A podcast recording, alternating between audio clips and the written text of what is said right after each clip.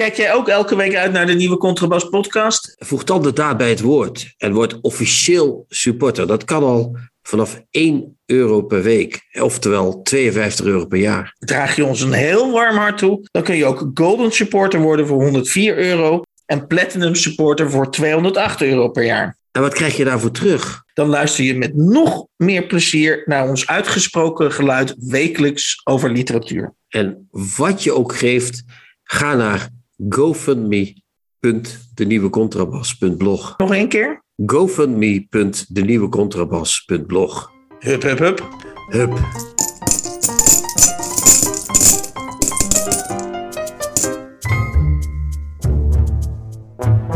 De nieuwe Contrabas. Podcast. Over hedendaagse literatuur en de wereld daaromheen. Met Chrétien Breukers, een elitaire Limburger. En Hans van Willigenburg, zomaar een Zuid-Hollander. Yo, Hans, daar gaan we weer. Of niet? Of wou je dat niet zeggen? Aflevering 56, Hans. 56 afleveringen. Sneeuwt het al bij jou? Het heeft gesneeuwd. Het was natte sneeuw, zoals dat heet. Eh, ja. Ik ben dus er even je hebt doorheen geen- gegaan, maar je had, we hadden geen lekkere sneeuwdingen. Ik kon niet sleetje rijden of zo. Nee, Ja, maar wat niet is, kan nog komen. Hè? Dus, Dat dus is waar. Misschien sneeuwen we wel in. Dat zou fijn zijn. Ja. Meteen van het gezeik Eh, af. Ja. Ja, we, we zijn deze week, eh, even heel kort, we zijn deze week op, op een, op een, op een eh, 49, eh, een, een, een, een, bijna een, mooie score, maar ook een net niet score. Eh 49 donaties. Dus we wachten, eh, we zijn in afwachting van de 50ste donatie. En we gaan door tot de honderdste, hebben we gezegd. Ja, ik vind dat, betekent- als we 100 donaties hebben, dan hebben we op een eh, weliswaar bescheiden schaal, zijn we levensvatbaar. Precies. Dus eh, het gaat langzaam, maar het gaat. En eh, misschien is het nog eens goed om tegen de luisteraars te zeggen: zolang die honderd er niet zijn, blijven wij doorpraten hierover. dus als jullie er vanaf willen zijn, zou ik gewoon zeggen: trek de portemonnee.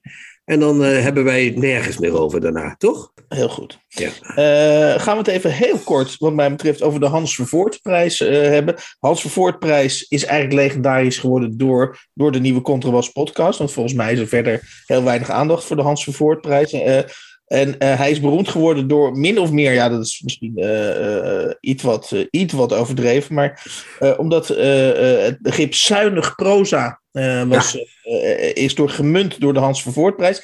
En wie schetst, om, om mijn verbazing althans, is dat eh, volgens de jury van de Hans Vervoortprijs schrijft zuinig proza Toby Lakmaker. Ja, eh, een boek die we in een van de eerste podcasts hebben besproken: hè? De geschiedenis van mijn seksualiteit. Ja, Prachtig boek van Toby Lakmaker. Hij toen, heeft. nog, eh, Sof- toen nog Sophie toen, nog, Lakmaker. toen nog Sophie Lakmaker, nu Eh, Toby destijds Lakmaker. ook vriend van de show. Ik weet, Sophie is dus vriend van de show. De vraag is of Toby ook eh, vriend van de show is. Maar ik dat denk, is, ik denk dat Toby ook wel denkt dat de show goed is, dat geloof ik wel. Maar ehm, wat, wat eh, mij opviel is dat inderdaad dat, eh, eh, dat zuinige proza, wat, wat, eh, geen woord te veel, hè, Hans, zoals het hoort, zuinig, hè, zoals de Zeeuwen. Ja. Dat, eh, dat is dus wat, terwijl het, ik heb zelden een boek gelezen zo heerlijk, ruim in de humor zittend, zo lekker banaal, noem- nee, banaal, wat zeg ik nou? Zo lekker, hoe heet dat? Als je, nee, niet bazaal, als je, als je, een spring in het veld, hoe noem je dat? Iemand die eh, lekker, eh, lekker doorvertelt, weet je wel? Zo, eh, nee, Jan, richt niet anaal. Nee. Een spring in het veld. Wat is het woord? Het is echt een senior moment. Eh, ja, een spring in het veld, maar ook eh, niet banaal. Het lijkt op banaal, maar iemand die zo eh, lekker bijna, Theatraal. lekker een beetje, een beetje pesterig vertellen, zo, weet je wel? Cerebraal, nee. nou. Brutaal vertellen, hè? Nou ja, Brutaal. zo, zo, ja, zoiets. Ik weet het ook niet meer wat ik wilde zeggen. Maar wat ik wil zeggen is eh, een, een fantastisch boek. Een boek wat eerder te veel is dan te weinig. En dat krijgt dan een prijs voor zuinig proza. Dat bewijst maar weer mensen. Dat, eh, dat, nou ja, ik eh, snap dat eh, Toby denkt, die 10.000 euro, die pik ik lekker in. Hè? En, maar de, de prijs heeft zichzelf wel min- inmiddels toch wel bewezen als een soort... Ja, het is net alsof je kijkt naar... Je hebt altijd in families één lelijk iemand, zeg maar. Hè? En Ja. dat is deze prijs een beetje in het literaire landschap. Ik lelijke even- dat, eentje. dat is de opinie van Christian Breukers althans, ja. Ja, ja, dat is mijn opinie. Ja, ja. Ik ben heel benieuwd of er nog een tweede komt. eh, eh, Vast wel. Ja, Ja. nu wij dat, nu wij, ik, dat, dat, daar kun je van zeker, volgens mij zeker van zijn. Hoe meer wij de Hans Vervoort en eh, Hans Vervoort zelf en de Hans Vervoortprijs plagen, hoe meer die geneigd zal zijn ons, een, eh, ons één slag voor te zijn. Dus ik denk dat hij op grond van ons commentaar sowieso een, eh, een, tweede, een tweede Hans Vervoortprijs gaat uitreiken. en ik, ga mee, ik ga meedoen dan. Ik mag meedoen dan. Ja, jij ik mag ga meedoen. Ja. Ik wil ook die 10.000 euro. Ja, en het is sowieso handig dat uh, ik denk dat uh, de afstand tussen de woon, of, uh, de, de, het huis van Hans de Voort en Toby Lakmaker schat ik in op enkele honderden meters. Dus, dus de jury heeft zich wel transportkosten bespaard. Misschien kan hij wel een soort, kan hij wel contant krijgen, Toby. Toch? Zou leuk zijn. Ja. ja. Gewoon een envelopje met wat briefjes erin. Heerlijk. Ja. Genoeg lekker, over de Hans Lekker spenden in Amsterdam-Zuid. Heerlijk. Genoeg over de Hans Vervoortprijs. Ik ga het hebben uh, met jou, met jouw welnemen, over een stuk in de uh, nieuwste uh, HP De Tijd. En daar wordt een heel stuk gewijd aan het, het uitsterven van de literaire bestseller. Er zijn nog wel bestsellers, maar die zijn nog zelden literair. En dan een van dan komt iemand aan het woord die wij ook een paar keer al in, onze, in onze podcast hebben opgevoerd, namelijk criticus Kees het Hart. Ah. En die wordt ook gevraagd naar, ja, is het inderdaad afgelopen met die, uh, met, met die literaire bestseller? Dan laat hij even kort weten hoe ze eigen boeken verkopen. Nou, niet al te best. En dan zegt hij van, nou ja, op zijn best verkopen ze nog een paar duizend exemplaren. En dan wordt gevraagd aan hem, maar wat is dan het recept, als je, als je dan per se een literaire bestseller wil schrijven, uh, uh, wat is dan het recept? En dan zegt hij, citaat, dan iets met onderdrukking en zelfmedelijden. Dan zit je goed. Ja, ja, ja, ja, ja. Vind je dat, moest je daarom lachen, Hans, of niet? Uh, uh, ja, ik weet niet of ik erom moest lachen, maar... Uh, ik vind dat een beetje oude mannenpraat, jij niet? Ik, vind, ik, ik heb Kees het hart hoog zitten, maar dit zijn echt van die opmerkingen die... Dan is hij gebeld en heeft hij waarschijnlijk stapte hij net onder de douche vandaan. En wat moet ik nu toch in hemelsnaam zeggen? En dan ga ik iets met onderdrukking en wat was het? Zelfmedelijden? Zoiets? Iets met onderdrukking en zelfmedelijden, dan zit je goed. Ja, dat heeft hij waarschijnlijk gezegd. En toen is hij verder gegaan met zich afdrogen. En uh, toen was het weer goed. Maar dit is, uh, ja, ach, ik weet het niet, Hans. Literatuur verkoopt niet meer, omdat er het hele uh, ouderwetse literatuurveld, namelijk de middenklasse, is weggevallen. dokters ja. en advocaten lezen geen literatuur meer, dus die kopen dat ook niet. En daarmee zijn de verkoopcijfers teruggesukkeld. de tijd dat Moelisch standaard 50.000 verkocht, ook van een moeilijk boek als de procedure, is, is gewoon helemaal voorbij. Ja, en er werd in een bijzin, in een bijzin werd, werd er in het stuk ook geconstateerd dat zelfs Arno Grunberg uh, uh, uh, steeds minder, of in ieder geval in een soort dalen, scherp dalende trend met zijn boekverkopen is ja, terechtgekomen. Vreselijk, ja, ja, ja, dat is waar. Het, of vreselijk, het is niet vreselijk, maar het is waar. Ja, ze verkopen minder. Maar misschien denk ik ook wel eens, hè, dat zit ik nu te bedenken terwijl we dit bespreken, ligt het ook niet aan die schrijvers zelf gewoon? Nee, dat, dat, dat, dat lijkt mij ook. Dat is. Ja. Uh, het is hetzelfde als dat je, dat je een beroep uitoefent en dat wordt ja, op een gegeven moment ingehaald door een andere, door ja. een andere techniek of een andere voorkeur van het publiek. Ja, en dan, dan blijf, je, is... blijf je zitten met je, vakman, met je, met je, met je vakmanschap. Ja, daar, ja. daar is dan geen vraag meer naar. Nee, kijk, uh, Gunberg verkocht vroeger waarschijnlijk 30, 40.000 boeken en nu uh, 7 tot 10. Maar misschien heeft hij ook wel twintig keer dezelfde roman geschreven. We weten het niet, uh, Hans. Uh, dan houdt het op een gegeven moment, denken de mensen ook... ja, ik heb al een Gunberg. Eerst die oude nog maar eens lezen... voordat we ja. die nieuwe gaan doen. En dan, ja. en dan, kom ik maar weer even terug op een... Uh, en dan stap ik even over naar een ander artikel wat ik las. En dat is misschien ook wel een, een logische opeenvolging van het vorige onderwerp. Is dat er op TikTok allerlei... On, onder jonge, jonge studenten allerlei ja, er is onder de naam Dark Academia is er een hele nieuwe cult ontstaan rond onder meer het boek van Donna Tartt, The Secret History. En laat ik het zo zeggen, daar zit dus, bij, zeker bij jonge mensen, uh, zit daar de beweging en, en zit daar de, uh, de nieuwe interesses. En mag daar onder andere dus dat boek van uh, Donna Tartt zich in, in, in nieuwe belangstelling verheugen. Dus met andere woorden, men keert zich misschien af van het boek om in, in, een, in, ja, in een boekhandel te kopen. Maar de interesse in schrijvers en in de, uh, ja, de, de, de licht romantische, al of niet romantische sfeer van de literatuur, daar zit nog wel toekomst in volgens mij. Ja, en ik denk dat het andersom is, Hans, zelfs. Want je ziet tegenwoordig bij alle boekhandels waar je komt, zie je TikTok-tafels, boektoktafels. Mm -hmm. Dat zijn vaak Engelse boeken die worden verkocht. Hè? Dus die, uh, die, die boektokkers die hebben vaak Engelse young adult-achtige boeken. Of new adult, dat is ook weer een apart iets. Dat schijnt ook weer iets te zijn. Uh, dat is dan uh, iets ouder, of in ieder geval met iets meer seks, geloof ik. En al die tafels liggen vol met Engelstalige boeken. En die worden echt goed verkocht. Tot 15 euro wel. Want die jongeren kopen natuurlijk geen boek voor 25 euro. Dat hebben we geloof ik al een keer besproken. Ja. Maar wat, wat ook zo is, is dat je steeds meer literatuur... Dus wat jij nu zegt, die Dark Academy, hè, dat, is dan, eh, dat is een literair boek natuurlijk, Donald Hart. Ja. Dus langzaam beginnen die eh, jongeren worden ouder natuurlijk. En dan gaat dat eh, die kant op. Dus, en die kopen ook echt papieren boeken, die boektokkers. Dus Ja. ik zie het boek eigenlijk nog wel redelijk eh, optimistisch in. Dat moet ik eerlijk zeggen, op lange termijn. En wat me intrigeert is dat juist het geheimzinnige, wat er dus eigenlijk aan literatuur, en ook het exclusieve, hè, want dat is natuurlijk eh, in het geval Ja. van de Secret History, eh, dat zijn mensen die met hele ja, eh, speciale interesses ook zich terugtrekken uit de samenleving en, en dan bijvoorbeeld een boek gaan lezen. En dat, dat schept een soort, kennelijk een soort kampvuursfeertje. Ja, zo uh, dat ik- dat, die serie Twin Peaks. Het is, het is een Twin Peaks sfeertje. Ja, het? Vind je niet zo dat, precies. dat idee? Zo? Ja. Ja. Dus, nou ja, goed, misschien is dat, is dat de toekomst. Dat zou zomaar kunnen van, van het boek. Ja. Ehm, iets anders. We hebben natuurlijk inmiddels eh, een, een, een bescheiden bedrag bij elkaar gecrowdfund. ja. Eh, en en het, het liefst gaan we natuurlijk iets doen met dat geld. Behalve misschien een keer leuk uit eten. Dat, die frivoliteit, die sta ik onszelf toe. Maar eh, iets te doen met dat geld waar de luisteraars dan ook weer van profiteren. Ja, ik heb eigenlijk nog, nog niet zo goed. We hebben namelijk de tiende een live opname. Ja. Al. Dat is al het eerste moment waarop we 10 elkaar, april. 10 april. Ja, waarop we elkaar kunnen treffen. 10 april. In Roelands in Nijmegen tussen 4 en 6. Dus daar zouden we elkaar kunnen treffen. Al als eerste. Maar dan, ja, als we echt eh, onze actie geslaagd is, zou ik zeggen. Dan moeten we een keer een nog grotere eh, event voor de leden. Een, een meet-and-greet-achtig event voor ze maken. Nou ja, e- een van de suggesties die ik zelf heb om, eh, om het geld echt heel netjes en, en, en ten bate van de luisteraars eh, helemaal super transparant, dus helemaal van deze tijd, Ja, eh, te besteden, is wij hebben elkaar natuurlijk eh, eh, in 2020, dat was dus nog voor de podcast, maar daar is wel het idee van de podcast ontstaan, hebben wij een korte literaire bedevaart naar Nimburg, naar de, het geboortedorp van Bohemiel Rabal eh, gemaakt. En ik dacht bij mezelf, ja, misschien moeten wij ook een literaire bedevaart, eh, moeten we dus een reis maken. eh, en moeten we daar een literaire reis en moeten we daar verslag van doen in de podcast. Dat vind ik wel.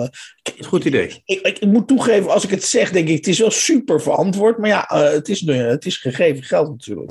Dat we naar mijn en jouw geboortehuis gaan. Terug naar Oegstgeest wordt het dan, Hans? Hè, want jij bent in Oegstgeest geboren volgens mij. Ja, ik ben in Oegstgeest. eh, nee, ik, sorry, ik ben in Utrecht geboren. Ik ben in, In Utrecht. Opgegroeid. Oké, ja, eh, Rabal was ook in Brunno geboren en in Nimburg opgegroeid. Dus eh, we zijn naar het eh, jeugddorp van hem geweest. Ehm, maar dan zouden we naar Leverooy dan. Nou ja, dat wordt een korte reis, kan ik je vertellen. Maar goed, daar zijn we zo doorheen, door dat dorp. maar goed, en, eh, maar ja, zoiets, een mooie reis. Voor de, voor een- dat we daar ook een paar mooie podcasts over maken dan. Ja. Nou ja, ik, ik, ik, ik ben bang als ik jou zo hoor dat je het eigenlijk al te interactief vindt. Kijk, ik, je zou Nee, nee, nee, nee, nee, dat vind ik juist een leuk idee. Nee, nee, nee, dat hoor je verkeerd. Nee. Oké, maar dan zouden we ook bij wijze van spreken aan de luisteraars kunnen vragen: eh, wat, voor literaire reis zou jij dat wij willen maken? Dan, dan laat ik Ja. me ook graag eh, inspireren door luisteraars. Ja, stuur het op.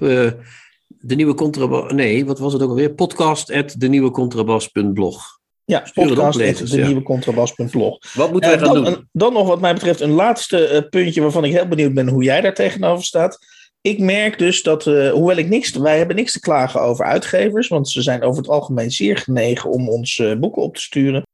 Ehm, maar ik merk nu bijvoorbeeld bij de bezige bij eh, dat ze dan toch eh, uiteindelijk eh, die PDF opsturen. En dan zeggen ze wel dat ze het boek ook nog opsturen. Maar ja, als ik uitge ik ben natuurlijk zelf ook een tijdje uitgever geweest. En denk, ja, ik heb die PDF al gestuurd. Daar doen ze het dan maar mee.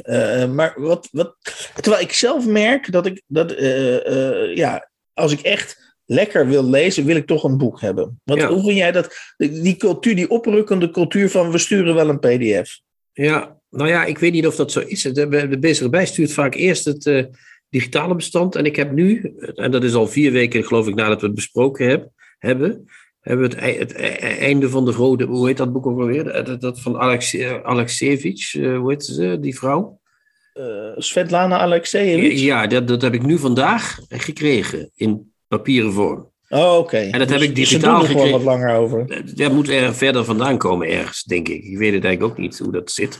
Maar, eh, en nu vandaag bespreken we Eduard Louis, daar hebben we de e-pub van gehad. En op Ja. zich kan dat wel, maar het is inderdaad fijner als je meteen een boek krijgt. Maar het lijkt net alsof het CB op, via het CB opsturen moeilijker is geworden. Via het Centraal Boekhuis opsturen moeilijker is geworden. Ja. Ik weet ook niet wat dat is. En de kritische luisteraar die mist natuurlijk één, eh, één begrip in, in, in deze, de, in de, in de, bij dit item, namelijk het milieu. Hè? De Ja, dat- dat is- duurzaamheid. Ja, sorry, maar dat kan mij in boeken op zich niet veel schelen. Sorry. Jij wel? Nee, ik heb ook Is dat te grof als ik dat zeg? Ik wil gewoon toch een boek. Ja, ik, ik, ik vind. ehm, ik, ik heb bijna geen apparatuur. Ik heb eh, geen droger. Ik eh, heb geen afwasmachine. Dus ik zou zeggen, die boeken die mag ik mezelf toch wel gunnen. Dan. Oké, je, Ja. je stuurt nu aan op een soort CO2-norm waar, je, waar, je die, waar die boeken Waar die nog boeken- best tussen passen. Ja. Die passen nog net in mijn. eh, die, hoe, heet dat, eh, hoe heet dat vroeger weer? Footprint. eh, de, de, de, hè, dat je, dat, ja, ja. Carbon, carbon, Carbon footprint. footprint, daar passen ze nog net in. Moet je horen. Hans leest een favoriete passage voor uit een boek dat hij onlangs gelezen heeft. Wat ook zo fijn is aan die gouden steurtjes. Na gebruik nemen je krachten niet af, maar juist toe. Alsof je op onze zonovergrote krim bent wezen kuren. Alsof het buiten eind september is. Maar je dus drie weken lang hebt liggen bakken op de gouden stranden van Cocktail en verschillende van je ledematen aan een sensuele Tataarse massage hebt onderworpen. En nu ben je teruggekeerd naar de witte stad. Je bent geland op Vnukovo en uit het zilverglanzende vliegtuig gestapt. Je hebt je borst volgezogen met ommelandse lucht en die even ingehouden. En op slag voel je je zo goed, zo opperbest, zo volmaakt, evenwichtig en verantwoordelijk. En je beseft dat het leven goed is, dat je sterk bent, dat je deel uitmaakt van iets groots, dat je kompanen, stuk voor stuk vermetele kerels, op je wachten, dat je tot over je oren in het werk zit, dat er niet minder vijanden zijn dan voorheen, dat onze heerser in goede gezondheid verkeert en vooral dat het goed gaat met moedertje Rusland, dat het groot, rijk en één is en dat het de voorbije drie weken niet zomaar is gebleven waar het was, maar zich met haar eeuwenoude wortels zelfs nog dieper in het vlees der aarde heeft verankerd. Tips van de week. Boeken, artikelen of pamfletten die boven het maaiveld uitsteken. We gaan vandaag twee boeken bespreken. Ja? En het eerste boek eh, luistert naar de eh, wat methodologische titel eh, Veranderen, dubbele punt, methode. Maar dat is geschreven door een schrijver die wij al meerdere keren. Ik was de vorige keer op zoek eh, naar ankerpunten. Nou, Eduard Louis eh, is in zijn eentje is erin geslaagd om een ankerpunt in deze podcast te worden. Een jonge schrijver, volgens mij geboren in 1992. Dus hij is, hij is eind 20, begin 30. Maar hij heeft een ongelofelijke productie. En alle voorgaande boeken die hij geschreven heeft, daar waren wij eh, om niet, voor ons doen behoorlijk tot, eh, tot zeer enthousiast over. Ehm, we hebben nu allebei veranderen dubbele punt methode gelezen. En Chrétien, brand los. Het enthousiasme is gebleven, Hans. Ik ben nog steeds eh, volledig enthousiast over dit boek. Dus net als over die vorige boeken. Het gekke is, het boek gaat over precies hetzelfde als waar zijn vorige boeken over gingen. Of veel van zijn vorige boeken over gingen. Namelijk over een schrijver eh, die nu Eduard Louis heet, maar in zijn jeugd Eddie Belgueul heette.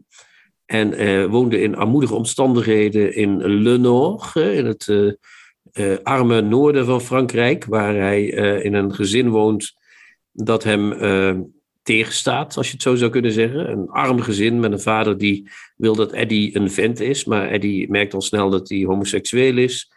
Eddie wil eh, iets anders. Eddie wil niet in, eh, met, met de hele familie in een paar rotte kamers in een met elkaar zakkend huisje wonen. Die vader heeft eh, geen werk meer, want die heeft het aan zijn rug gekregen in de fabriek. Die moeder die werkt een beetje als verpleegster. Kortom, hij walgt van de omstandigheden en probeert eruit te komen. Daar gaan veel van zijn boeken over, toch? Dat zeg ik toch goed. Je zegt dat- het helemaal correct. En dat veranderen, dubbele punt methode. In dit boek vertelt hij hoe hij zichzelf uit die armoedige omstandigheden heeft gehaald. En dat is een proces dat steeds gepaard gaat met veranderen. Hij moet om thuis weg te komen, moet hij zichzelf veranderen in iemand die middelbare school gaat doen. Iets wat in die armoedige dorp al helemaal niet gewoon is. Want uh, de meeste jongens beginnen op een 14 al in de fabriek. Daarna moet hij naar Amiens, dat ligt daar dichterbij. Dan gaat hij naar de middelbare school. Ja, dat is zeg maar de, de, de grotere plaats in de buurt. Ja. En dan verandert hij zichzelf in iemand die heel veel omgaat met een gezin waar meer cultuur heerst, waar ze meer gewend zijn om met mes en vork te eten, waar klassieke muziek wordt gedraaid, waar die een nette truien leert dragen, waar die zijn Frans wordt opgekalefaterd. Ze zeggen zelfs, je moet iets aan je tanden laten doen, want je hebt van die rare scheve tanden. Oh nee, dat is later pas. Dat is in Parijs pas. Nee, maar hier begint hij met zijn kleren en met zijn uiterlijk. Want hij was een dikke jongen. Ja, die altijd... en tafelmanieren. Hè? Dat is tafelmanieren, ja. En hij was leren, een... leren wijn drinken ook. Ja, hij wordt dus een culturele jongen in die familie. Dan heeft hij een soort relatie met Elena, de dochter des huizes. Niet echt een relatie, maar ze zijn heel goed bevriend. Heel close, ja. Heel close. Echt een soort, uh, ja, een soort jeugdverbond is dat. En, maar dan op een gegeven moment krijgt hij door. Ik zit hier in Amiens en dan denkt hij, ik ben er. Maar dan krijgt hij dan, is hij, dan uh, uh, woont hij een lezing bij van DJ Eribon. Nee, nee, niet van Eribon. Ja, DJ Eribon. Ja, en dat, dat die, die, die, komt, die heeft een boek geschreven Terug naar Rijms. Dat gaat over precies hetzelfde. Iemand is er uit armoedige omstandigheden naar Parijs uh, weet te transporteren. Mhm. Mm -hmm. En dan denkt die Louis, of Belgul dan nog, ja. die denkt, hé, hey, maar dat is het. Ik, ik zit hier wel in Amiens. Ik zit maar in ik de tussenfase. Dit is niet de eindfase, dit is dus een tussenfase. Ik ja. moet nog een keer veranderen. Dat is het. Daar begint hij nog een keer mee. En dan gaat hij helemaal zijn best doen om op de École Normaal uh, uh, Superieur te komen. Als door, uh, en helemaal op wilskracht komt hij daar ook. Dan Ja. krijgt hij een of andere. Ondertussen ontdekt hij het uh, gay nachtleven in uh, Parijs. Ja. Hij krijgt allemaal vrienden met flats. En hij gaat met die Eribon lunchen Oh, af en toe. Mijn hemel, het is de, nee, nee, ga, ga door. Maar eh, je hebt nog nooit zo uitgebreid een boek inhoudelijk eh, qua plotlijn besproken. Maar ga Ja. door, ga door. Ja, maar dat komt ook omdat het eigenlijk een belangrijk verhaal is. Want dat, is zijn, eh, dat, is dat, dat veranderen steeds, dat is het belangrijkste. Dus in Parijs verandert hij zichzelf in iemand die in een Parijse flat woont. Gaat hij boeken lezen, structureel boeken lezen. Echt eh, meer dan hij ooit gedaan had. En dan begint hij ook te schrijven. Ja, En dan komt er nog één laatste verandering. En dat is dat hij op een gegeven moment denkt: ja, maar ik kan dit niet. Weet je wel, ik ga weg. Dan gaat hij met een of andere internetdate gaat hij naar Barcelona. mhm. Binnen een week heeft hij daar zo'n enorme hekel aan. ja en hij maakt nog een hij kort uitstapje volgens mij ook naar Amerika. Waar die ook, eh, ook- waar die ook- levenloos, misschien zelfs, ik zag er misschien, maar dat, dat is een, een guess. Een, een, een ver- verwijzing in naar reis eh, naar het einde van de nacht. eh, Dat is zeker zo'n soort eh, verhaal. van, Maar dat is van Celine. Van Maar dat. Amerika-verhaal is pas als die al, al gepubliceerd heeft. Als die Ja. een beetje uit de roem wil komen. Dus dat is, dat, Ja. dat is niet daarvoor, dat is daarna weer. Ik ga je Maar- nu een beetje onderbreken, want nu zit ik op mijn hete kolen om zelf iets over het boek. Ja, maar wat ik wil zeggen, dat, Ja. dat, dat laatste veranderproces is dat hij zich richting dat schrijverschap weet te veranderen. Dan eerst gaat hij heel erg op eh, sociale status en op eh, huizen Ja. en op Parijs leven. En het allerlaatste is dat hij schrijver wordt. En dan mag jij even inderdaad het beroemde stokje overnemen. Ja. Ik, ik, de, ik, dus ik heb weinig boeken waarin ik zo weinig twijfelde, laat ik, het, laat ik het zo zeggen, over mijn eigen oordeel. En dat komt omdat ik dat boek echt helemaal verslonden heb. En dat, dat, eh, eh, dat overkomt me gewoon niet zo vaak. Eh, zeker niet omdat we natuurlijk zo- zoveel lezen. Dat, dat, dat, je de, ja, dat, dat, dat overkomt je niet vaak. Ik heb een aantal dingen opgeschreven. Dit is de coming of age roman to end all coming of age eh, ro- romans. Nou ja, dat is een beetje een... Dat, is reclametaal, Hans. Dat is Dat is een beetje reclametaal, maar dat is een deel van mijn, eh, deel van mijn bestaan. Dus eh, om reclametaal eh, eh, zeg maar, eh, eh, te, on- of, ja, te ontwerpen of, of op te schrijven. Maar wat ik zo echt fantastisch van dit boek vind, is eh, dat het ook eh, de, eigenlijk wat literatuur is, ehm, op een, vind ik. Laat ik zo zeggen, als ik aan literatuur denk en als ik aan denk aan wat is het effect van literatuur en wat kan je met literatuur, wat je bijvoorbeeld met film of theater veel moeilijker kan, dan is het precies die innere, die, die innere migration, eh, mi- migratie, die die dus inderdaad, zoals jij terecht zegt, meerdere keren, dus van geboortedorp naar Amiens, van Amiens naar Parijs, van Parijs naar het schrijverschap en uiteindelijk weer terug eh, naar het geboortedorp. Ik, ik kan gewoon niet, dat, dat kun je alleen, eh, eh, zoals hij dat doet, eh, kun je alleen in, literatuur, in, in goede literatuur eh, vangen. Dat kun, je niet, dat kun je in beelden toch veel, veel lastiger en oppervlakkiger eh, En dat komt natuurlijk Dus- omdat, hij dus, omdat hij een stijl heeft gevonden om dat te doen. Hè? Ja, Hij heeft echt die toon, dat, dat, dat Franse, een beetje dat Franse toontje ook wel. Hè? Toch ja, een ik weet niet wat dat, je daarmee bedoelt. Maar nou, ik, moest heel denken, is, maar- ik moest heel erg denken aan, aan, aan, aan, aan die, die, die, aan die Eribon ook, die, die ook schrijft over die afkomst, hè, dat Retour à Reims, dat is ook zo'n boek. Maar het is licht intellectualistisch, toch wel, eigenlijk. Hè? Het is altijd toch Het een is beetje... super toegankelijk, joh. Ja, het is, het, is, het, is, ja, ja, ja, het is heel toegankelijk. Maar er zit natuurlijk een enorme eh, kennis achter, op een of andere manier ook altijd, in Franse boeken, vind ik. Ik vind die toon ook altijd eh, niet alleen toegankelijk, maar ook erudiet op een of andere manier. Maar dat ligt misschien aan mij. Dat, eh, Ik zou dat anders. Wat ik, wat ik, behalve dus dat het. Dat het eh, eh, hè, dus die, die, die, die mentally. eh, de- die, eh, die, eh, je zou bijna een soort mindset kunnen zeggen. Hij gaat van mindset naar mindset. En hij beschrijft minutieus hoe hij dat doet. Eh, om een voorbeeld te geven. Op een gegeven moment eh, zit hij in Amiens. En gaat hij studeren. En dan vindt hij dat een bepaalde jongen. Ik ben even zijn naam kwijt. Die heeft een bepaalde status. En hij doet dan heel erg zijn best om de juiste vraag aan die jongen te stellen. Eh, eh, zodat hij bij die jongen in beeld komt. ja. Eh, heel her, weet je wel, super, op een of andere manier voor mij super herkenbaar. En dan geeft die jongen niet het juiste antwoord, of die, die, die geeft een vervelend antwoord. En dan is die ook binnen 30 seconden of binnen een minuut laat, heel geloofwaardig zien. Ja, oké, ik kan jou dus niet gebruiken. Ja. Jij, jij, jij- en dan, dan laat je zo iemand keihard vallen. En, die, en, en dat, vind ik, dat vind ik zo fucking goed aan dit boek, is dat hij zichzelf portretteert als ultiem menselijk. Hè? Dus het is heel menselijk, het is heel begrijpelijk dat hij weg wil. Het is heel begrijpelijk dat op een gegeven moment ook dat keurig nette gezin in Amiens een beetje eh, het, eh, naar zijn keel vliegt. En eh, met andere woorden, hij is superhumaan. Hij is, op, vind ik, ja, ik hou niet zo van het woord humaan, maar in dit geval weet ik even geen beter woord. Maar tegelijkertijd portretteert, portretteert hij zichzelf. En dat vind ik dus de, het mooie, confl- ja, de mooie paradox. Als een machine. Hij is een machine die naar een bepaald eindbeeld toewerkt. Zo wil hij zijn. En hij laat zien eh, dat je jezelf dus ja, onder een gigantische druk kunt plaatsen. Eh, eh, op een voorbedachte raden eh, kunt acteren. Daarom is hij ook zo'n goede acteur. Hè? Dat, dat is natuurlijk een, een bijlijn in dit boek. Hij zegt, ja, acteren was voor mij een bevrijding. Want ik, ik wist, ik, ik heb vanaf mijn allereerste begin heb ik geacteerd. Ik heb anders, me anders voor gedaan dan ik daadwerkelijk ben. En wat ik ook heel erg mooi vind, en, Ja. dat, zit eigenlijk, en dat zit eigenlijk in het hele oeuvre van Edouard Louis, is, is, is, is, is, is het onvermogen om aan een bepaald cliché te voldoen. Want zeker in dat eerste boek eh, eh, eh, over Eddie Belgul, hij wil natuurlijk het liefst een voetballer zijn. Hij wil het liefst een held zijn. Hij wil het liefst een spits, bij wijze van spreken, zijn. In een, Nee, in dat, zie je voetbal- toch, ja, dat zie je toch niet helemaal goed volgens mij. Als ik het Oh. even- ja, sorry dat ik jou nou, nou Nee. onderbreek ik jou. Maar hij is, hij is heel menselijk, heel humaan, dat klopt wel. Maar hij heeft ook een genadeloze wil om eruit te komen. Hè. Het is Ja. niet alleen dat hij rollen speelt.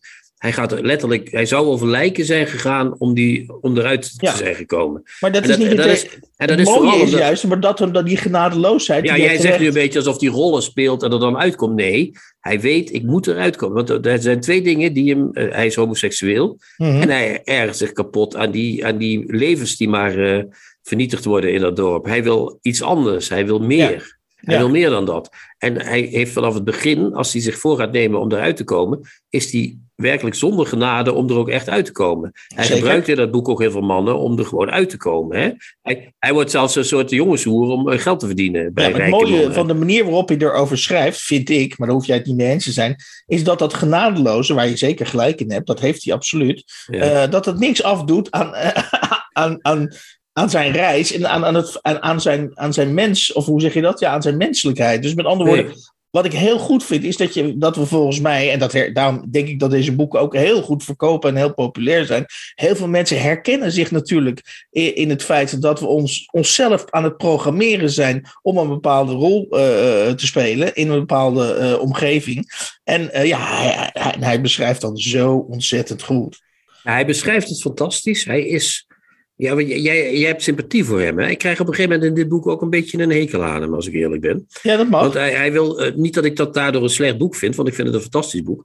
Maar ik vind hem ook echt een, eh, iemand die, die, die zich heel krampachtig eh, blijft gedragen, zeg maar. Dat vind ik Mhm. heel apart. Er zit toch altijd nog een beetje een laatste restje van dat geboortedorp in hem. Er zit toch altijd nog een beetje dat straatvechtertje, die asociale... Dat dat is mooi, ja, dat is heel mooi misschien, maar, maar dat heeft ook iets van... Dat, dat veranderen is dus... Misschien is het veranderen ook wel zinloos. Dat zou ook de boodschap nog kunnen zijn. Zeker. Want je kunt wel een bepaalde positie bereiken. Je kunt een beroemde schrijver worden. Voor, je, de- nou, net rond je dertigste, zeg maar, ben je al wereldbekend schrijver. Enzovoort, enzovoort. Maar je blijft toch dat, dat, dat, dat mannetje uit eh Amiens, hè? Of eh, uit dat dorp daar in de buurt. Ja. En, en ik denk dat misschien heeft hij, dat, heeft hij dat wel echt door, denk je? Ja, ongetwijfeld, dat zal hij wel door hebben. Hij schrijft het niet. Dus er komt nog een volgende boek waarin hij zichzelf weer positioneert als, als, uh, als, als dorpeling of zo, denk ik, je ik, zou in ieder geval nog twee dingen uh, over de stijl willen zeggen. Eén is, dat, dat, dat mag duidelijk zijn misschien al, is dat het heel dwingend geschreven is. Ik heb echt zelden een boek gelezen waarin ik gewoon zo gezogen werd en, en, die, en, en zin voor zin zo dwingend naar een bepaald punt werd gedreven. En ik, en ik dus ook heel gewillig naar een bepaald punt liet drijven. Dat is een heerlijk gevoel. Ja. Uh, uh, dus dat vind ik echt fantastisch aan dit boek. En wat ik ook nog, en dat, dat is eigenlijk ook een bruggetje naar het volgende boek, is dat ik steeds vaker uh, zie dat schrijvers uh, citaten, dus gesproken woord, niet meer uh, met aanhalingstekens uh, aangeven. Met andere woorden, dat het gesproken woord ook van verschillende personages integraal onderdeel wordt van, van de tekst. En dat, en dat zie je zowel bij Louis als bij het volgende boek wat we gaan. ja, klopt. Ja. Dat, dat, is, dat is een nieuwe trend. Ja. ja. Het aanhalingstekens lijken te verdwijnen. Dat is grappig. Ja. Dat dwingt je ook wel om iets beter te lezen. Zullen, zullen we nog een klein stukje van de stijl doen? Ja, doe dat even maar. Een, dat, zullen we even heel een, graag, heel een, graag, een, heel graag. helemaal in het begin ergens als hij het probleem gaat uh, diagnosticeren. ik heb het al verteld, maar het moet nu allemaal chronologisch. Dat heb ik me voorgenomen. Vanaf mijn eerste levensjaren werd de diagnose van het probleem gesteld. Toen ik begon me uit te drukken, de taal te leren, onder de mensen te komen, hoorde ik dat er om me heen steeds meer vragen werden gesteld. Waarom praat hij als een meisje, Eddie? Terwijl hij een jongen is? Waarom loopt hij als een meisje? Waarom wringt hij zijn handen als hij praat? Waarom kijkt hij zo naar de andere jongens? Zou hij eigenlijk niet een beetje een homo zijn? Ik had er niet voor gekozen om te lopen zoals ik deed, te praten zoals ik deed. Ik begreep niet waarom ik die maniertjes had. Zo zeiden de mensen in het dorp het, Eddie's maniertjes. Ik begreep niet waarom ik, mijn lichaam met die maniertjes, zat opgescheept. Ik wist niet waarom ik me aangetrokken voelde tot, door de lichamen van de andere jongens en niet door die van de meisjes, zoals van me werd verwacht ik zat vast in mezelf. Nou, hè, en dat is nog maar echt een flintertje van hoe dat boek, uh, dat stoomt maar door, zeg maar. Dat is, ja. wat, wat, wat, je heel goed aan deze passage ziet, is dat hij werkt juist niet met suggestie. Hij schrijft het allemaal gewoon pats, pats, pats, pats ja. op, zoals het echt is. Gewoon. Ja, en, dat... ja want, en dat is heel moeilijk inderdaad, daar heb je gelijk in, want bij, bij een mindere schrijver wordt het dan een verschrikkelijk lamoyant exact. boek natuurlijk. Maar hij is zo spits inderdaad. Dat zeg je goed. Het, dat spitsen van hem. Dat is het echt. Dat maakt het helemaal... Nou ja, het is bijna, en dat, en dat vind ik ook, dat, dat is dan nog wel even een laatste opmerking, is natuurlijk die titel veranderen, dubbele punt methode. Uh, uh, dat, dat, daarin zie ik, hè, dat, dat, is dus, dat zou dus eigenlijk dat zou een soort syllabus kunnen zijn. Ja. Uh, op een maar dat heeft hij voor zichzelf, maakt hij dat ook. Hè? Want als hij naar die Ecole Normaal wil, dan ja. gaat hij ook echt eerst kijken wie hebben daar gezeten. Wat hebben die mensen, wat, wat, wat eisen ze? Wat is het vakkenpakket? Hij gaat de hele website ja. bestuderen. En hij gaat echt een voorstel maken om daar te komen. Helemaal toegesteden. Op, hij, hij bekijkt helemaal zo van, ik, ik moet erheen. Maar dan moet ik ook iets pakken wat echt, wat, wat, waar ze wat mee kunnen daar. Ja, en het, en het knappe is dus dat hij zichzelf bijna inderdaad uh, met een wetenschappelijk oog al die stappen in, al die levensstappen onder ogen. En dat, en dat is natuurlijk het prachtige, dat het niet saai wordt, zoals het vaak bij wetenschap saai wordt, maar het tegenovergestelde gebeurt. Het wordt fascinerend en, het, en, en, en scherp en inderdaad met een, met een pincet, met pincetprecisie uh, laat hij zien hoe hij die sociale stappen maakt. Ja, ja, ja een boek echt. Eduard Louis, ik ben heel benieuwd wat hij nog gaat doen. Ja, maar hij verveelt voorlopig niet. Dat kun je niet zeggen. Nee. Goed, dan gaan we nu uh, naar een nou, minstens even ambitieus boek, uh, ja. volgens mij. Uh, dat is een boek. heb jij dat aangevraagd, Christian? Want ik vond het zomaar opeens in. in... Ja, dat had ik aangevraagd. Ja. Oh, dat had je aangevraagd. het is het boek Zee Nu van Eva Meijer. Ja. uitgegeven bij Cossé. En Eva Meijer is een volgens mij al redelijk gevierd schrijver en essayist. Ze is filosoof ja, ook. Zeker, zeker. En uh, C nu is een, is een boek, dat kan ik best uh, alvast verklappen, is een boek over uh, datgene waar we misschien allemaal stiekem een beetje bang voor zijn, namelijk dat Nederland gaat overstromen. Nou, voor mensen die daar bang voor zijn, in C nu is er vanaf pagina 1, staat er maar één ding te gebeuren, namelijk Nederland gaat langzaam overstromen. En Eva Meijer leidt ons door alle stadia uh, die er dan uh, op ons te wachten uh, staan. Ja, het is, het is zogenaamde clifie, hè? Of, ja, klimaatfictie. Het is, het is ja. Ja, wat, wat Adriaan van Dis ook deed en waar we al eens eerder iets mee... We hebben toch al eens eerder een clifie, of niet? Hadden we niet eerder ook wel eens een klimaatroman? Dat weet ik niet. Of hebben we het daar eens over gehad een keer? Of Ja, we hebben het in verband met eh, eh, die dichteres des Vaderlands, hoe heet ze ook alweer? Lieke Marsman. Die, heeft Oh een ja, die had ook een, die had een klimaatroman. Ja, dat klopt. ja, die Ja, heeft ja, ooit een klimaatroman geschreven die ik verschrikkelijk vond, maar jij vond het mooi. Ja, dat, nou ja, sorry Hans. Dat kan gebeuren, toch? Ja. Ja. maar goed, dit, is, dit boek is eh, klimaatfictie. Hè? Eh, Nederland overstroomt. De zee rukt een kilometer per dag op. Niet, het, eh, niet zomaar een stukje, maar huppakee, meteen... Is het, eh, is, het, is het echt een kilometer per dag Nou ja, of per drie dagen, dacht ik? Ja, per drie dagen in ieder geval. Wel snel genoeg om heel wat doden eh, eh, te veroorzaken.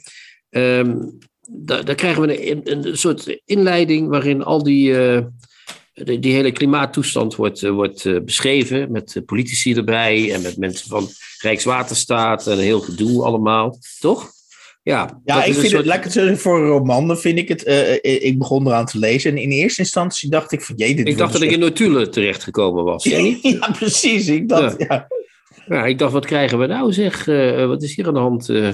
En eh, dat wordt een beetje doorsneden met, eh, met wat, eh, wat tekstjes van ene Willig. Hè? Dat is een belangrijk personage wat later Ja. in de roman nog terugkomt. Een, een meisje van de jaren 14, die, die schrijft het allemaal op, als ik het zo mag zeggen. ja Die en die kort heeft- eh, over peinting over water. Ja, sorry. En die Precies, heeft- ja, ja, die schrijft ook die korte gedichtjes of overdenkingen over, over de zee. Ja, precies. En die is, dat, dat wordt hier geïntroduceerd. Dan krijgen we die hele, ja, die notulistisch-achtige beginscènes. Eh, langzaam eh, wordt dat, eh, in de loop van het boek krijgen we wat meer personages. Steen heet iemand, een vrouw. Ja. Hè? En Wetenschapper, Arie ja. heet ook een vrouw. Dat is ook een vrouw die een rol speelt. Dat is een Activist. activist. En die man die heet, er was nog een man bij ook. Die ben ik even, of nee, dat is niet waar. Hè? Dat waren ze toch, of niet? Ja, je hebt natuurlijk de minister-president, maar goed, Ja. je hebt gaat halverwege Mark Ja. Rutte dan, eh, want, want in, in, dat, dat, nou ja, goed, dat, is een, dat is wat mij betreft al een, een belangrijk kenmerk van dit boek, is dat ehm, eh, hoe vreemd of misschien ver af de situatie van het overstromen, voor anderen misschien niet, maar hoe vreemd die ook is, eh, eh, wat zij natuurlijk heel slim doet, is door de minister van Defensie, de minister-president, die allemaal op te voeren. Er wordt ook vrij minutieus, dat bedoelde jij met die notulen, worden vrij minutieus door Eva Meijer ingelicht over de, hoe, hoe de bevolking wordt, wordt toegesproken, hoe de bevolking wordt geïnformeerd, hoe de politie moet reageren op het feit dat, dat de zee dus een kilometer eh, per drie dagen, dacht ik, Ja, eh, drie op- dagen, klopt. Ja. eh, oprukt.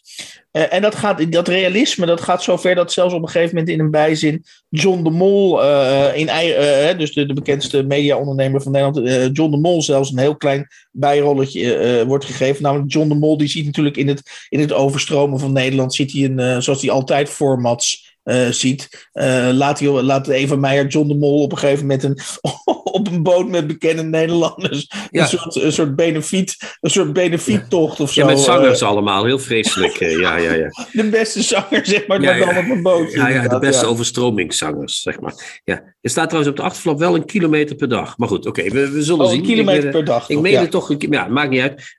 Waar het om gaat is dat we na dit notulistische begin krijgen we dus langzaam het verhaal van Willig te horen, die haar moeder heeft moeten achterlaten in Ja. eh, Amsterdam. En eh, die Willig die komt op een gegeven moment ergens in Duitsland terecht of zo. Hè. Daar, wordt, daar komen de mensen die, eh, die, Ja. die worden gered. En dat zijn allemaal vluchtelingen. is ook nog een soort vluchtelingenroman daarmee Ja, er zit natuurlijk een moralistisch dimensie aan. Namelijk Ja, ja, Dat, de, dat de Nederlanders nu de vluchtelingen zijn. En dat de Precies. Belgen en de Duitsers die moeten ons opvangen. Ja. Ja, en die Duitsers zeggen ook van, nou, het zijn er wel veel, die Nederlanders. Goed, dat is ook zo. Maar de- dan zitten ze in Duitsland en daar met die Steen en met die Arie gaat Willig op een boot terug naar Nederland. Want Ja. inmiddels kunnen ze met een boot van daaruit naar Nederland. Eh, en dan gaan ze die moeder zoeken. Dat is eigenlijk het tweede stuk van, het roman, van de roman. Dat zeg Ja. ik toch goed, hè? Ja, zeker. Nou, zeker. en, dan, en wat er dan gebeurt, dat vind ik eigenlijk, daar begint voor mij het mooie stuk van de roman.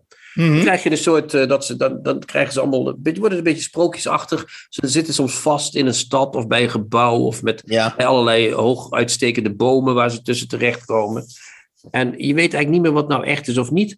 Er zitten ook wat clichématige kanten aan. In het oosten des lands komen ze eh, mensen op eh, waterskis eh, tegen, of water, van, die, van die waterbrommen, zo heet zo'n Mhm. ding. Zo'n zo'n zo'n zo'n ding waarmee je brommer kunt rijden op het water. Ja. Die hebben zwarte hoodies aan, dat zijn een soort fascisten.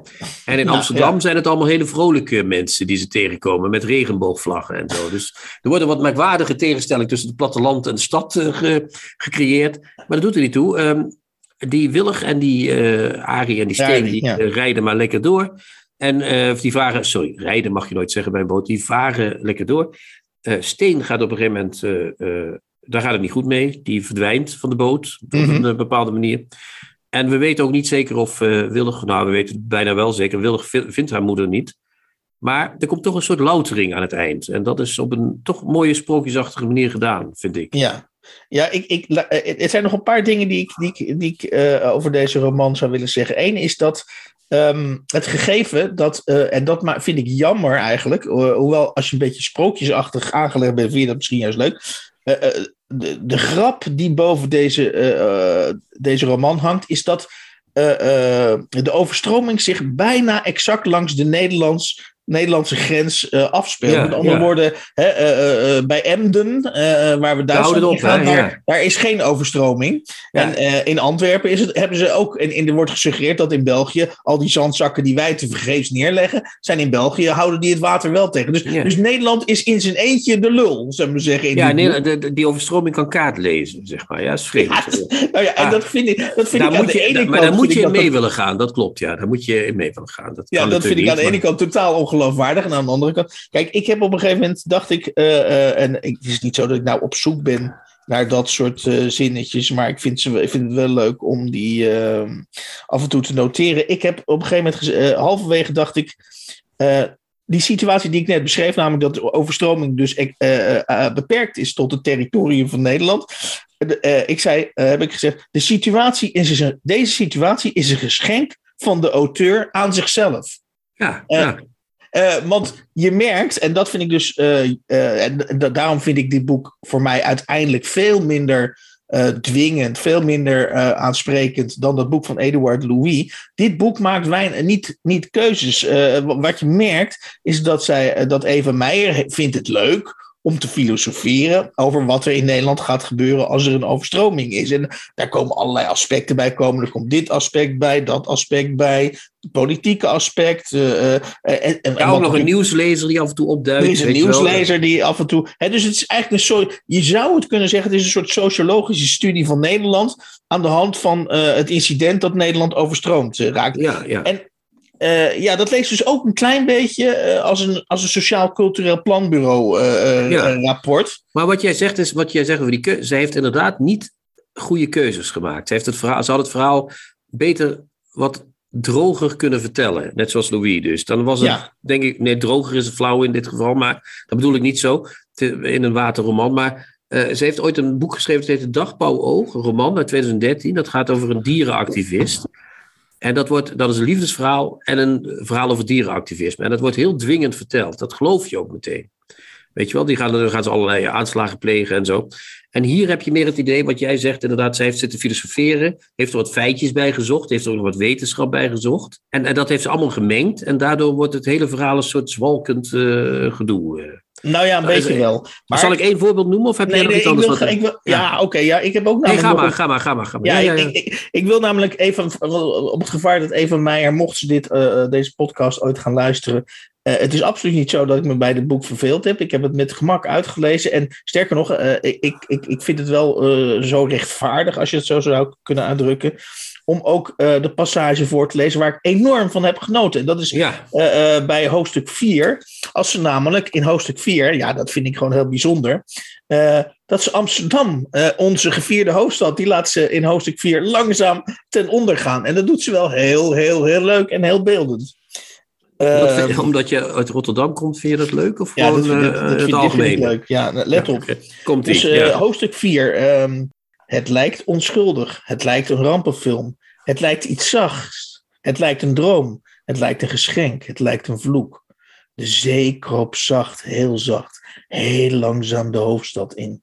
Een waterig tapijt van hooguit een centimeter. Een lege stad op zonderlingen, kwakkelaars en oude muizen na. Een stad die er toch al zo lang stond en zo lang bestand geweest was tegen water. Een rampenfilm, dubbele punt. Die centimeter kroop onder voordeuren door en omvatte meubels. Zou ze later die dag optillen.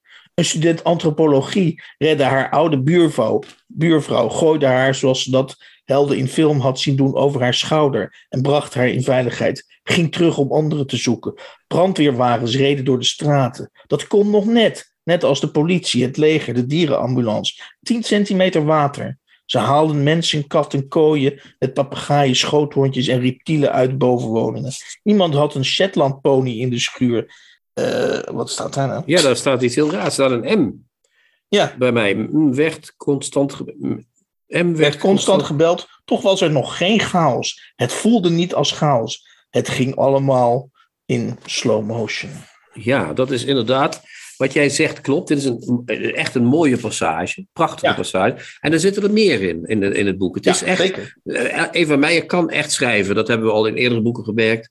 Ze had ook een eh, boek over haar eh, depressie geschreven.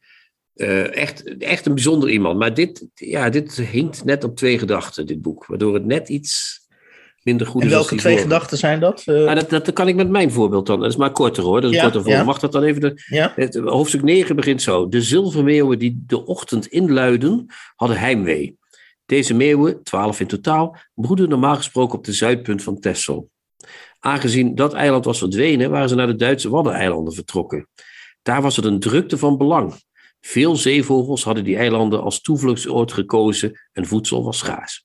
Nou, wat ik bedoel dus, is dat begin is mooi. De Mhm. zilvermeeuwen die de ochtend inluiden hadden heimwee. Het waren er twaalf, eh, de, deze meeuwen, twaalf in totaal, broeden normaal gesproken enzovoort. Hè? Nou, ze waren vertrokken naar die Duitse Waddeneilanden. En dan begint het notulistische gedeelte. Ja. Daar was het een drukte van belang.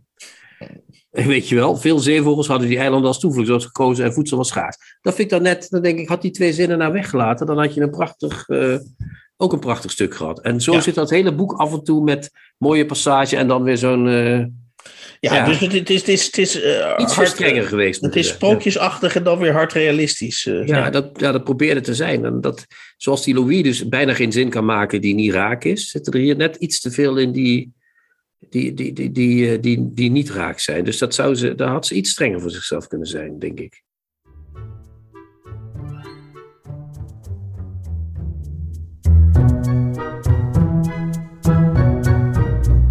De nieuwe contrabas. Podcast. Ik eh, eh, was vorige week eh, op zoek naar ankerpunten. Ja, Eh Chrétien is daar gedienstig op aangeslagen. En we gaan de close read eh, dat, eh, gaan we in ere herstellen. En we doen dat vandaag met welke bundel en welk gedicht, Chrétien? we doen dat vandaag met Hierhuizen Draken van Marie Klaus. Net verschenen bij Lebowski, hoor je te zeggen, volgens mij. In eh, Amsterdam, dat onder water staat sinds kort. Ehm, en eh, de bundel is door Marie Klaus geschreven, zoals ik zei. Die stond vroeger bekend als Anneke Klaus. Kende je dat toen of niet? Ja, Anneke Klaus. Ja. Ja, maar die heet nu dus Marie Klaus. Meestal krijg je een verandering van een vrouwen in een mannennaam of andersom. Maar nu is het van een vrouwennaam naar een vrouwennaam veranderd.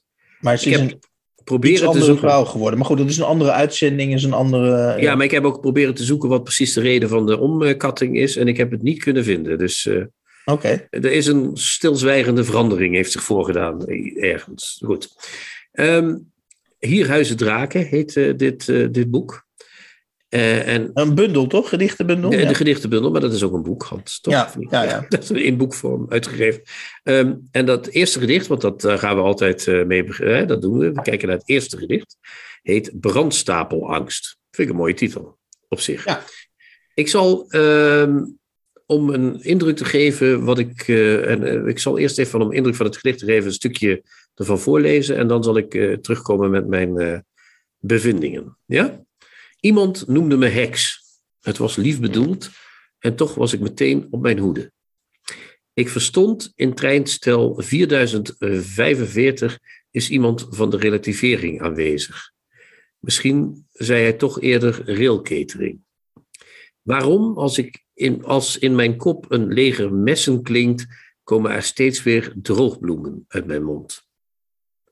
Dat zijn de eerste zes regels, die over steeds twee regels zijn verdeeld.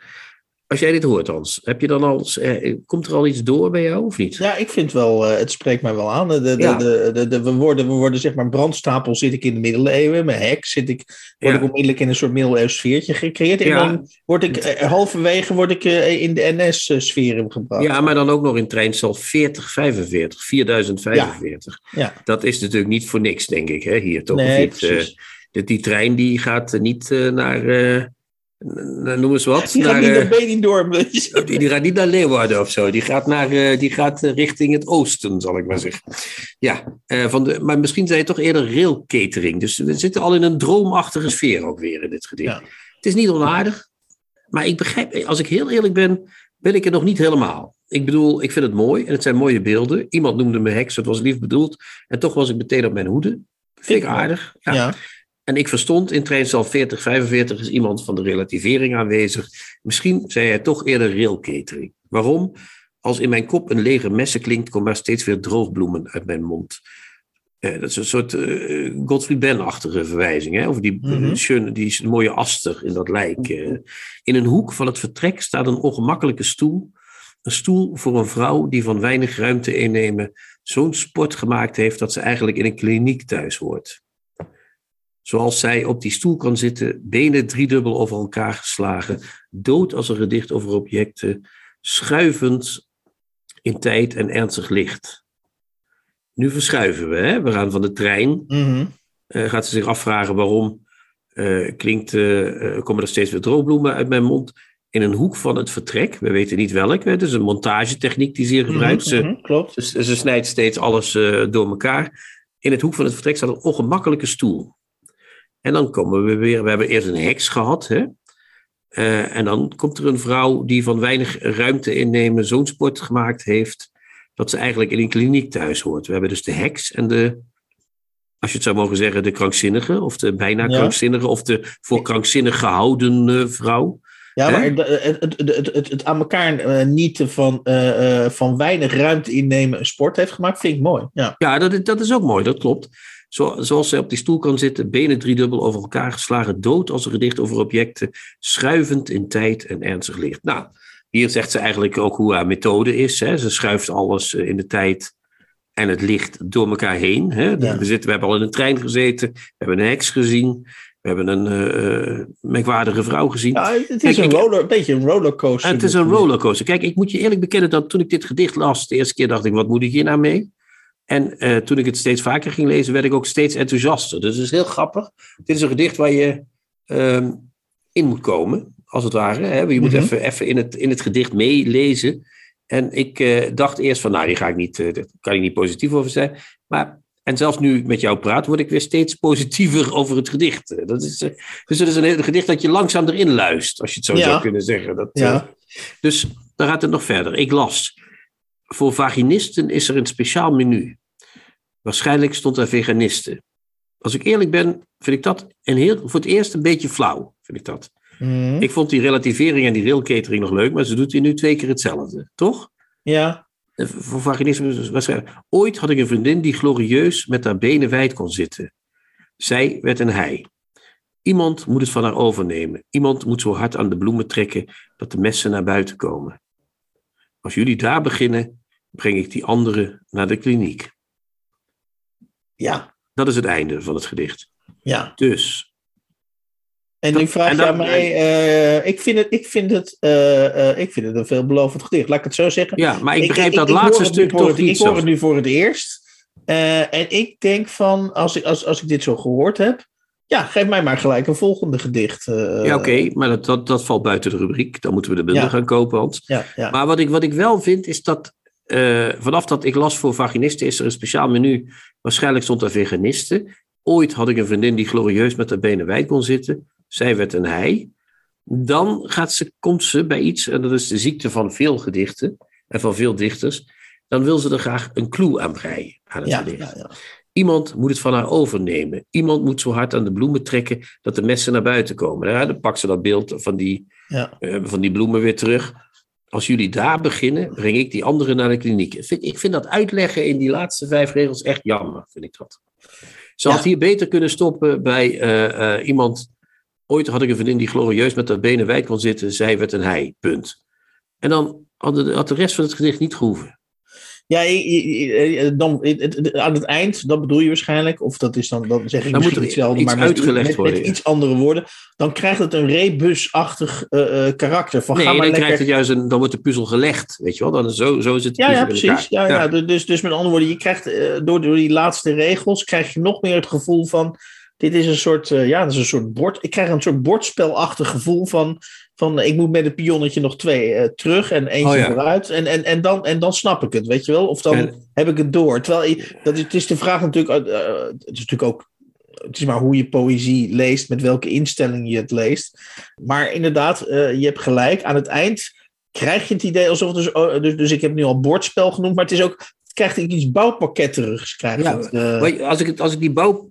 Als ik die eh bordspelmetafoor van jou mag eh, eh, Ja. overnemen. ja, neem maar over. Wat, wat, wat- ik ken, het enige bordspel wat ik heel goed ken is Mensen Erg Je Niet. Mhm. En dan moet je op het laatst naar binnen draaien. Hè? Dan- moet je je pionnetje moet Ja, dan dan moet in, die, in, die, in pionnetjes, dat, in ja. dat laatste stukje komt dat dan. En eigenlijk goed gedicht vind ik dat je het pionnetje net buiten dat laatste stukje moet laten. Dat je moet zeggen, nou, ik hou hierop. En zij fietst hem toch even naar binnen. Zo, dat, dat pionnetje. En dat vind ik dan jammer. En, maar dat is het enige wat ik kan wat ik, wat, ik dus gek vind hier, is dat het echt een. Ik vind het heel sterk. Ik zal het dadelijk nog even helemaal sterke, er zitten voorlezen. echt sterke beelden Ja, in, ja, ja. deze- in dit Het is een soort, net zo sterk als Anouk Smies, hè, die we ook hier eens een keer gehad hebben. Ook zo'n soort poëzie, gemonteerde poëzie. Allemaal beelden om elkaar, die in elkaar overlopen. Ze maakt één flauw, eh, dat ze één, één keer een... Ze doet relativering en railcatering en vaginisten en veganisten. Ja. Vind ik dan net jammer dat ze twee keer hetzelfde doet. Dat vind ik dan misschien net iets te overdreven. En wat mij betreft, die conclusie doet ze, doet ze verkeerd. Maar dit is poëzie die je langzaam moet. eh, eh, voor mij gold, sorry, moet ik zeggen dan. dat ik er langzaam in kwam. Maar dat ik toen eh, eenmaal enthousiast werd. Van dacht van ja, dit is echt een dichter die we hier aan het woord Mhm. horen. Maar wel een dichter die nog een, waar een redacteur nog eventjes het rode pot. Ja, en op het gevaar af dat we nu. eh, Maar ja, goed, we klinken sowieso al als twee oude blanke mannen. Daar kunnen wij. Nou, nou, we, kunnen we wij- hebben kunnen het hier over tekststand. We hebben het hier niet over andere dingen. We hebben het hier over we, we, tekst. kunnen- daar kunnen we niks aan doen. Maar ik zou tegen, op het gevaar af dat ik nu. eh, Ik weet het natuurlijk niet beter, Ik weet het niet beter dan Marie Klaus of eh voormalige Anneke Klaus. Nou, ik weet het Eh, wel beter, denk ik eerlijk gezegd. Ja, maar wat wil Ja. je zeggen? Zo, ja. Nou ja, ik, ik zou tegen haar willen zeggen, als ze luistert, van. Eh, er zitten zoveel sterke, tenminste ik hoor het voor het eerst, maar er zitten heel veel sterke beelden in. eh, of, of in ieder geval een aantal hele sterke beelden. En eh, ja, die, en dat is ook een beetje portret van wat jij zegt. Van laat, laat die beelden eventjes loskomen. Laat, het- laat gewoon lekker loskomen. En probeer het inderdaad niet in een soort bouwpakket Ja, te stoppen. ja, helemaal En dan wordt het volgens mij nog beter, want ik vind het al behoorlijk goed. Ja, mensen moeten zich ook kunnen inhouden soms. Hè. Schrijvers kunnen zich niet inhouden vaak. Die denken, nou, dit kan ik ook. Kijk, en, dan komt, en wat ik al eens eerder zei, dat beeld van nog een zakdoek. Kijk, ik heb een rode en ik heb een gele en ik heb een blauwe. Hoeft niet allemaal. Twee, drie zakdoeken in een gedicht, meer dan genoeg, lieve mensen. Maar daar gaat hij nog eens een keer helemaal.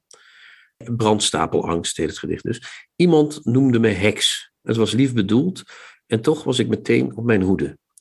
Ik verstond in treinstel 4045 is iemand van de relativering aanwezig. Misschien zei hij toch eerder railcatering. Waarom, als in mijn kop een leger messen klinkt, komen er steeds weer droogbloemen uit mijn mond. In een hoek van het vertrek staat een ongemakkelijke stoel. Een stoel voor een vrouw die van weinig ruimte innemen zo'n sport gemaakt heeft dat ze eigenlijk in een kliniek thuis hoort. Zoals zij op die stoel kan zitten, benen driedubbel over elkaar geslagen, dood als een gedicht over objecten, schuivend in tijd en ernstig licht. Ik las, voor vaginisten is er een speciaal menu. Waarschijnlijk stond er veganisten. Ooit had ik een vriendin die glorieus met haar benen wijd kon zitten. Zij werd een hij.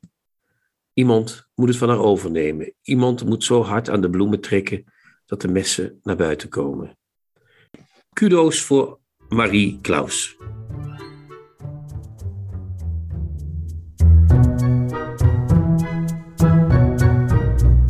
De nieuwe Contrabas. Podcast. In deze eh 56e aflevering kwamen voorbij eh Veranderen dubbele punt methode van Eduard Louis. Vertaald door, eh, en dan moet ik, oh jezus, dan, dan moet ik eventjes, ja, door Rijntje, Rijntje Goos en Jan-Pieter van der Sterren. Uh, dan, sterren, sterren. Sterren. Uh, dan uh, bespraken we van Eva Meijer het, de, de Cliffy-roman Zee Nu. Verschenen bij uitgeverij Cossé in 2022. En dan las ik voor een passage uit het boek De Dag van de Oprichnik. Ehm, van Vladimir, van de Russische schrijver Vladimir Sorokin. En dat boek kwam uit in 2019 bij uitgeverij Douane. Uh, en werd vertaald door Gretske de Haan en Annelies de Hertog. En dat boek, uh, door het conflict in de Oekraïne uh, en het um, noemen van door Johan de Boze, volgens mij in Brommer op Zee, heeft dit boek weer enige tractie gekregen, ook in de verkoop. het is alleen niet meer voorradig, maar misschien komt het weer bij een andere uitgeverij uit. Wie weet. Het is, een, het is, een, fantastisch boek trouwens. Kan ik onderschrijven, heb ik ook gelezen. Vond ik een leuk boek. Leuk is het woord niet voor een goed boek, ja. ja. Maar Hans, volgende week zijn we bij elkaar weer. De tien. Oh ja, en we hebben nog een close reading gedaan. Ja. ja. Oh, wacht, voordat we reclame gaan maken. Uh, uh, Marie Klaus. Uh, hier, oh, ben ik slecht in titels. Hier Huizen Draken. Lebowski 2022 een mooie dichtbundel.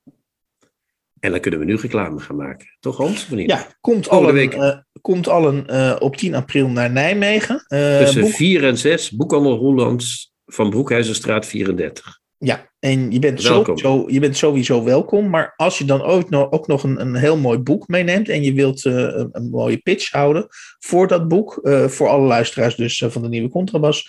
ja, dan dat maakt het dan nog net even wat feestelijker. Dan mag je bij ons aan tafel als je dat wil doen. Dan mag je naast Hans of naast mij zitten. Je mag kiezen. En als je dan niet voor mij kiest, ben ik wel boos. Hetzelfde zijn, wil je zeggen. En we presenteren mijn roman en we hebben bitterballen en wijn. Mensen, ik zou niet weten waarom jullie niet zouden komen. Ik heb geen idee. Ik heb gewoon geen idee. We houden al zoveel van jullie. Hup, hup, hup, en dan dit. Altijd, ja, hup, hup, hup. En chin chin, Hans. En ciao, ciao. En cha cha. En cha cha cha. Ja. Tot de volgende keer. Tot in Nijmegen.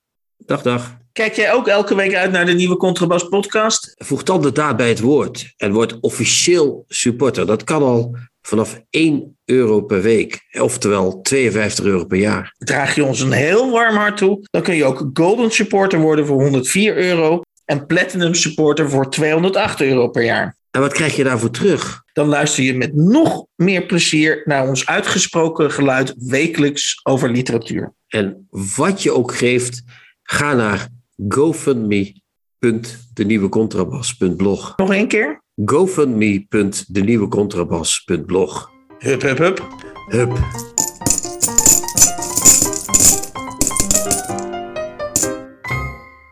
De nieuwe Contrabas podcast wordt gemaakt door Chrétien Breukers, Hans van Willigenburg en Erik Lindenburg.